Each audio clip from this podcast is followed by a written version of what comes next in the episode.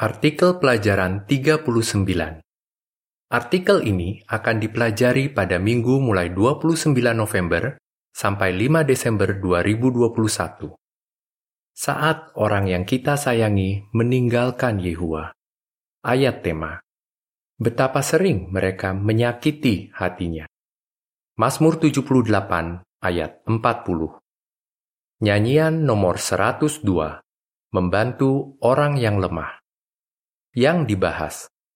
Kita pasti sangat sedih kalau orang yang kita sayangi meninggalkan Yehua. Di artikel ini, kita akan melihat bagaimana perasaan Yehua kalau itu terjadi.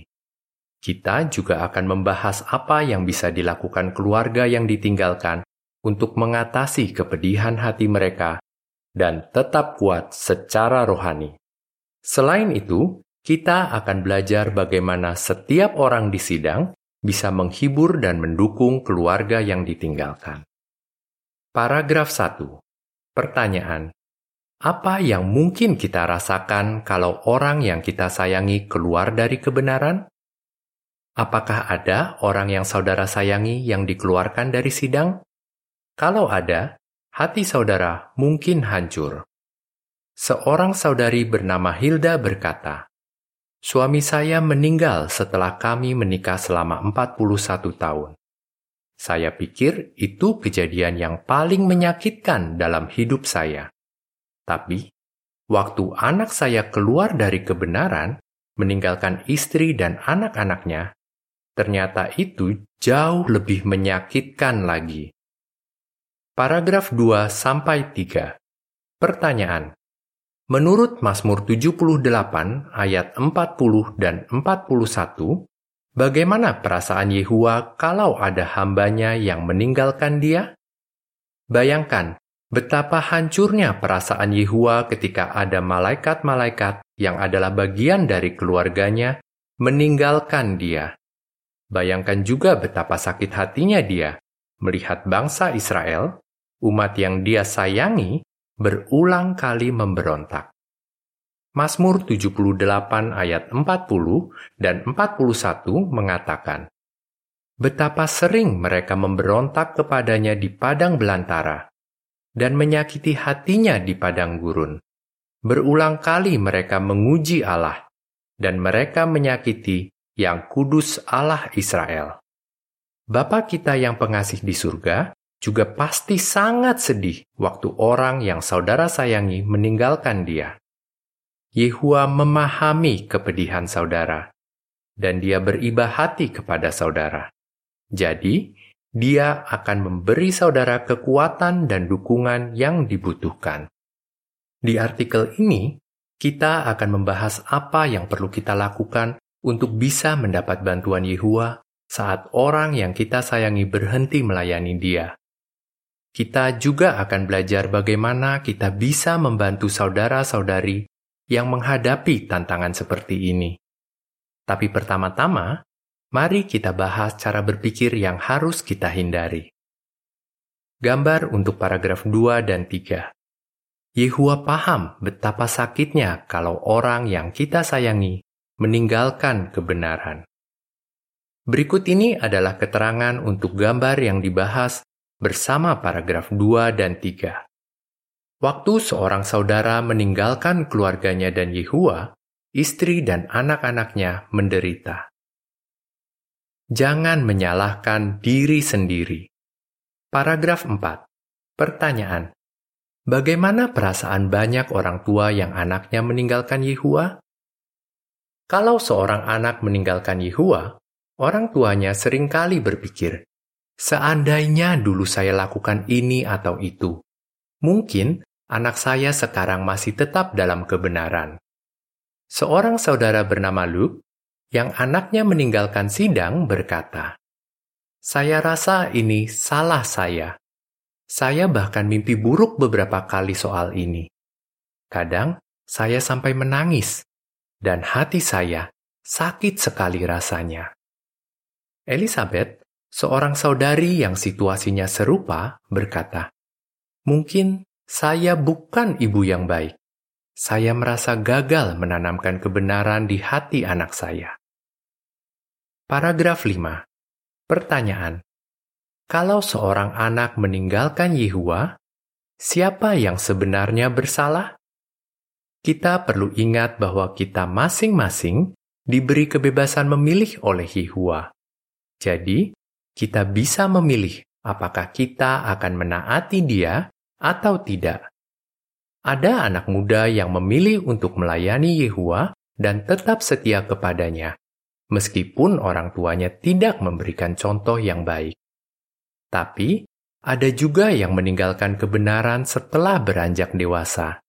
Padahal, orang tuanya sudah berusaha sebaik-baiknya untuk membesarkan dia dalam kebenaran. Jadi, keputusan untuk melayani Yehua sebenarnya ada di tangan anak itu sendiri. Maka, para orang tua kalau anak kalian meninggalkan Yehua, jangan berpikir itu salah kalian. Pemikiran seperti itu harus dilawan. Paragraf 6. Pertanyaan. Apa yang mungkin dirasakan seorang anak kalau orang tuanya berhenti melayani Yehua? Ada juga seorang ayah atau ibu yang berhenti melayani Yehua dan bahkan meninggalkan keluarga mereka. Ini bisa menghancurkan hati anak mereka, karena anak biasanya menganggap orang tua sebagai panutan. Esther, yang ayahnya bukan lagi saksi Yehua, berkata, "Saya sering menangis karena saya tahu ayah saya bukannya tanpa sadar menjauh dari kebenaran, tapi dia memang memutuskan untuk meninggalkan Yehua. Saya sayang dia. Jadi, setelah dia dipecat, saya terus khawatir memikirkan dia. Bahkan, saya kadang terkena serangan panik. Paragraf 7. Pertanyaan. Bagaimana perasaan Yehua terhadap anak muda yang orang tuanya meninggalkan kebenaran? Anak muda, kalau ayah atau ibu kalian meninggalkan kebenaran, kami ikut sedih. Yakinlah, Yehua tahu persis kepedihan yang kalian rasakan. Dia menyayangi kalian dan menghargai kesetiaan kalian. Begitu juga kami, saudara-saudari kalian. Ingatlah, kalau orang tua kalian membuat keputusan yang buruk, itu bukan salah kalian. Seperti yang sudah kita bahas, Yehua memberi kita semua kebebasan memilih. Jadi, setiap orang yang sudah membaktikan diri dan dibaptis harus memikul tanggung jawabnya sendiri. Galatia 6 ayat 5, juga catatan kaki. Paragraf 8. Pertanyaan. Kalau orang yang kita sayangin dipecat, apa yang perlu kita lakukan sambil menunggu dia kembali? Kalau orang yang saudara sayangi meninggalkan Yehua, saudara pasti berharap suatu saat nanti dia akan kembali. Tapi sambil menunggu, apa yang perlu saudara lakukan? Jagalah kerohanian saudara tetap kuat. Dengan begitu, saudara bisa menjadi teladan bagi anggota keluarga lainnya dan bahkan bagi orang yang dipecat itu. Saudara pun akan tabah menghadapi kejadian yang menyakitkan ini. Sekarang, Mari kita bahas apa saja yang bisa saudara lakukan. Berikut ini adalah keterangan tambahan. Kembalilah kepada Yehua. Seorang ibu mengutarakan perasaannya. Kata-kata di Yesaya 55 ayat 7 benar-benar mewakili harapan saya untuk anak saya yang dipecat. Semoga dia kembali kepada Yehua yang akan kasihan kepadanya, kepada Allah kita, karena Dia akan memberi ampun dengan murah hati. Kalau Anda sudah meninggalkan Yehua, semakin cepat Anda kembali semakin bagus, karena Anda akan lebih bahagia. Coba lihat apa yang sedang terjadi di dunia ini. Semuanya menunjukkan bahwa Armageddon sudah sangat dekat. Selain itu, hidup kita di dunia ini singkat dan kita juga tidak tahu apa yang akan terjadi pada kita. Kita bahkan tidak tahu apakah besok kita masih hidup atau tidak. Brosur kembalilah kepada Yehua berkata, Yakinlah bahwa Yehua akan membantu saudara kembali kepadanya. Dia akan membantu saudara mengatasi tekanan dan mengobati perasaan sakit hati. Dia juga akan membantu saudara punya hati nurani yang bersih, sehingga hati dan pikiran saudara bisa damai. Setelah itu, saudara mungkin akan kembali tergerak untuk melayani Yehua bersama rekan-rekan seiman yang perlu dilakukan agar tetap kuat secara rohani. Paragraf 9. Pertanyaan. Dengan cara apa saja kita bisa mendapat kekuatan dari Yehua? Miliki rutin rohani yang baik. Saudara harus terus memperkuat kerohanian saudara dan juga anggota keluarga saudara. Bagaimana caranya? Dengan rutin membaca dan merenungkan firman Allah serta berhimpun secara teratur. Hasilnya, saudara akan mendapat kekuatan dari Yehua. Joanna, yang kakak perempuannya meninggalkan kebenaran, berkata, "Saya jadi lebih tenang karena membaca cerita-cerita di Alkitab tentang Abigail, Esther, Ayub, dan Yesus. Teladan mereka membuat saya jadi lebih positif, sehingga rasa sakit hati saya berkurang. Saya juga sangat dikuatkan oleh lagu-lagu JW Broadcasting. Berikut ini adalah keterangan tambahan. Ayat-ayat yang bisa menguatkan saudara. Mazmur 30 ayat 10. Mazmur 34 ayat 4, 6, 18, dan 19. Mazmur 39 ayat 12. Mazmur 61 ayat 1 dan 2. Mazmur 94 ayat 17 sampai 19. Efesus 3 ayat 20. Filipi 4 ayat 6 dan 7. Paragraf 10. Pertanyaan. Menurut Mazmur 32 ayat 6 sampai 8, apa yang bisa membantu kita mengatasi perasaan tertekan? Ceritakan kepada Yehua apa saja yang membuat saudara khawatir waktu saudara sedang tertekan, jangan berhenti berdoa. Mintalah bantuan Allah kita yang pengasih, supaya saudara bisa melihat situasinya dari sudut pandang Dia. Berdoalah agar Dia menunjukkan ke mana saudara harus berjalan.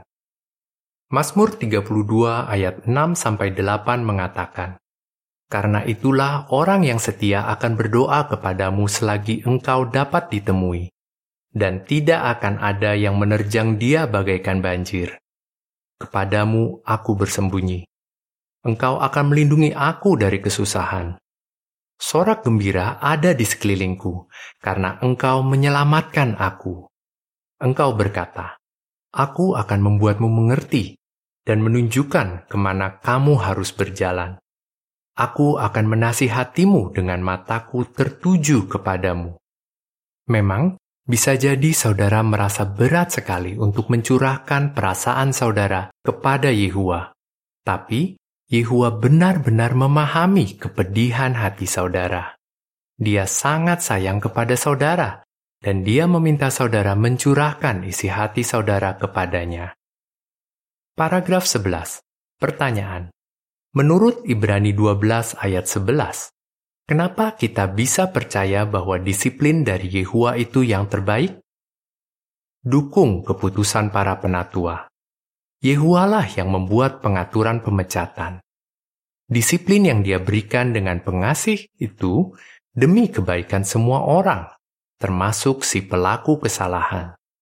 Ibrani 12 ayat 11 mengatakan, Memang, tidak ada disiplin yang menyenangkan saat diberikan, Sebaliknya, itu menyakitkan. Tapi setelahnya, itu akan menghasilkan kedamaian dan jalan yang benar bagi orang yang sudah dilatih oleh disiplin itu. Mungkin ada orang-orang yang mempertanyakan keputusan para penatua dan membicarakannya dengan yang lain. Tapi, apa yang diceritakan orang-orang seperti itu biasanya tidak lengkap karena mereka tidak mau membuat si pelaku kesalahan terlihat buruk. Ingatlah, kita tidak tahu semua faktanya. Karena itu, percayalah bahwa para penatua yang menangani kasus ini sudah berusaha sebisa mungkin untuk mengikuti prinsip Alkitab dan menghakimi sebagai wakil Yehua. Berikut ini adalah keterangan tambahan. Pemecatan, bukti kasih Yehua kepada kita. Kenapa pengaturan pemecatan sebenarnya membuktikan bahwa Allah mengasihi kita? 1. Kasih menggerakkan para penatua untuk sebisa-bisanya membantu orang Kristen yang berbuat dosa. Orang itu baru akan dipecat kalau ada dua hal ini. Dia sudah melakukan dosa serius, dan dia tidak bertobat. Ibrani 12 ayat 7 dan 9 sampai 11. 2. Pemecatan melindungi sidang. Orang yang tidak bertobat sama seperti orang yang punya penyakit menular. Dia harus dikarantina supaya orang lain tidak tertular. 1 Korintus 5 ayat 6, 7, dan 11 sampai 13. 3. Pemecatan bisa membuat orang yang berdosa tergerak untuk bertobat. Banyak orang yang dipecat menjadi sadar bahwa mereka memang salah, dan akhirnya mereka kembali kepada Yehua.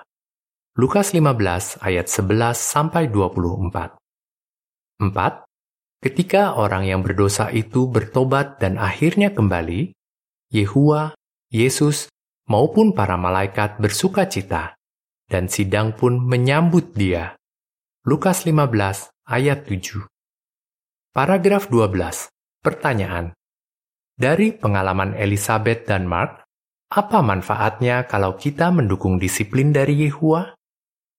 Kalau kita mendukung keputusan para penatua, itu sebenarnya bisa membuat orang yang kita sayangi tergerak untuk kembali kepada Yehua. Elizabeth, yang disebutkan sebelumnya, menceritakan perasaannya setelah anak laki-lakinya yang sudah dewasa dipecat. Susah sekali buat saya untuk putus hubungan dengan dia. Elizabeth menambahkan. Tapi setelah dia kembali kepada Yehua, dia sendiri mengakui bahwa dia memang pantas dipecat. Dan dia bilang, dia dapat banyak pelajaran yang bagus. Saya jadi sadar kalau disiplin dari Yehua memang selalu benar. Suaminya, Mark, menambahkan, Belakangan, anak kami bilang kalau salah satu alasannya dia mau kembali itu karena kami sama sekali tidak kontak dengan dia. Saya sangat bersyukur karena Yehua membantu kami untuk tetap taat. Paragraf 13. Pertanyaan. Apa yang bisa membantu saudara mengatasi perasaan kecil hati? Curahkan perasaan saudara kepada teman yang penuh pengertian. Bergaulah dengan saudara-saudari yang matang secara rohani, yang bisa membantu saudara tetap positif. Joanna, yang disebutkan sebelumnya, berkata, "Saya merasa sendirian, tapi saya sangat terbantu karena saya cerita sama teman yang bisa dipercaya. Nah, bagaimana kalau ada orang-orang di sidang yang kata-katanya malah membuat saudara semakin kecil hati? Paragraf 14. Pertanyaan.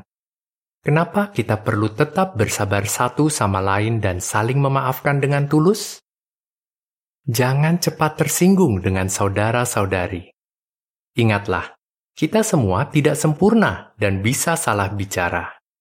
Jadi, Wajar kalau ada yang tidak tahu harus bicara apa atau tanpa sengaja menyakiti kita dengan kata-katanya. Rasul Paulus menasihati kita.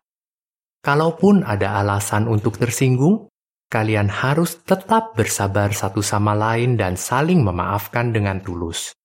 Kolose 3 ayat 13 Seorang saudari yang anaknya dipecat berkata, Yehua bantu saya memaafkan saudara-saudari yang maksudnya baik, tapi malah menyakiti hati saya. Nah, sebagai satu sidang, bagaimana kita bisa membantu mereka yang anggota keluarganya meninggalkan kebenaran? Sidang bisa membantu. Paragraf 15. Pertanyaan. Apa yang bisa kita lakukan untuk membantu saudara-saudari yang anggota keluarganya baru saja dipecat? Coba dekati anggota keluarga yang ditinggalkan dan jadilah teman mereka. Seorang saudari bernama Miriam mengakui bahwa dia sempat merasa sulit untuk datang berhimpun setelah adik laki-lakinya dipecat. Saya khawatir dengan apa yang mungkin dikatakan orang. Tapi ternyata banyak saudara-saudari ikut sedih, dan mereka tidak berbicara negatif tentang adik saya itu. Saya jadi sadar bahwa bukan cuma saya yang merasa sedih. Saudari lain berkata, "Setelah anak laki-laki kami dipecat, teman-teman yang menyayangi kami datang untuk menghibur kami. Beberapa dari mereka mengakui bahwa mereka tidak tahu harus bilang apa. Ada yang menangis bersama saya, atau tulis kata-kata yang menguatkan untuk saya. Mereka benar-benar membantu saya. Paragraf 16. Pertanyaan. Bagaimana sidang bisa terus menguatkan anggota keluarga yang ditinggalkan? Teruslah kuatkan anggota keluarga yang ditinggalkan. Di saat-saat seperti itu, mereka sangat membutuhkan kasih dan penghiburan saudara. Kadang, mereka merasa bahwa mereka juga dijauhi oleh sidang, seolah-olah mereka ikut dipecat. Kita tidak mau mereka sampai merasa seperti itu. Anak muda yang orang tuanya keluar dari kebenaran juga sangat membutuhkan pujian dan dukungan saudara. Maria, yang suaminya keluar dari kebenaran dan meninggalkan keluarga, berkata, "Beberapa saudara-saudari datang ke rumah, masak untuk kami, dan bantu kami mengadakan pelajaran keluarga. Mereka ikut sedih dan menangis bersama saya.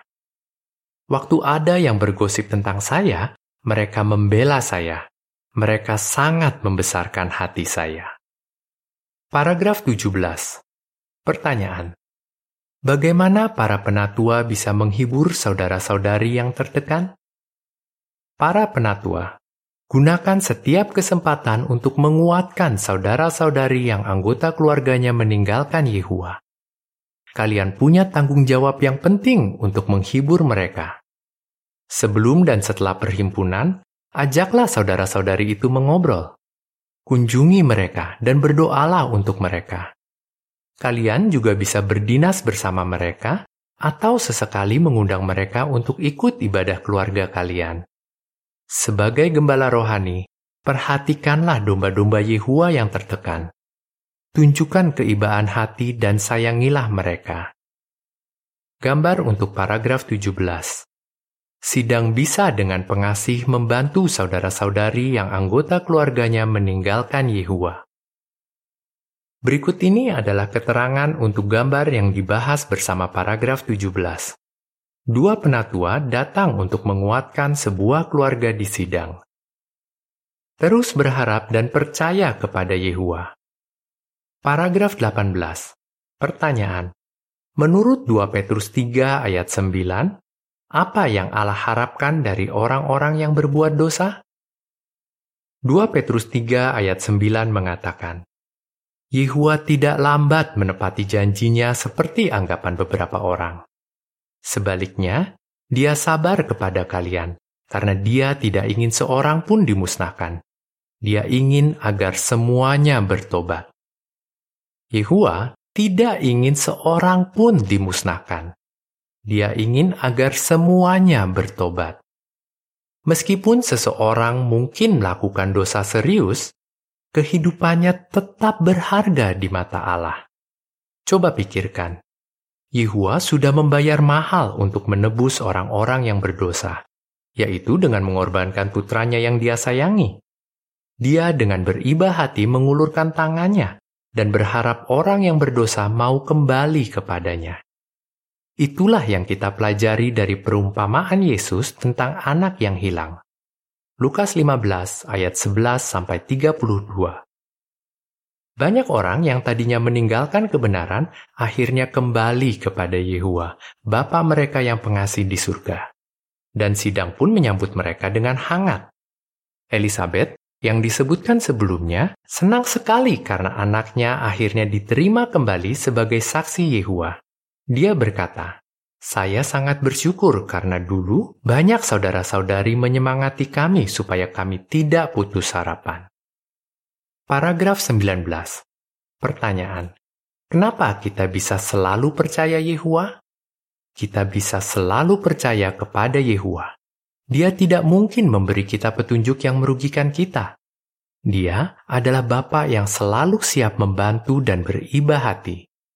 Dia sangat menyayangi semua hambanya yang juga menyayangi dia. Yakinlah, Yehua tidak akan meninggalkan saudara di saat saudara susah. Yehua tidak pernah meninggalkan kami, kata Mark yang disebutkan sebelumnya. Dia selalu membantu kami di masa sulit. Yehua akan terus memberi saudara kesanggupan yang begitu luar biasa. 2 Korintus 4 ayat 7 Jadi, kalaupun orang yang saudara sayangi meninggalkan Yehua, saudara bisa tetap setia dan tidak kehilangan harapan. Apa yang saudara pelajari dari ayat-ayat ini? Mazmur 78 ayat 40 dan 41. Mazmur 32 ayat 6 sampai 8. Ibrani 12 ayat 11. Nyanyian nomor 44. Doa di kala susah hati. Akhir artikel.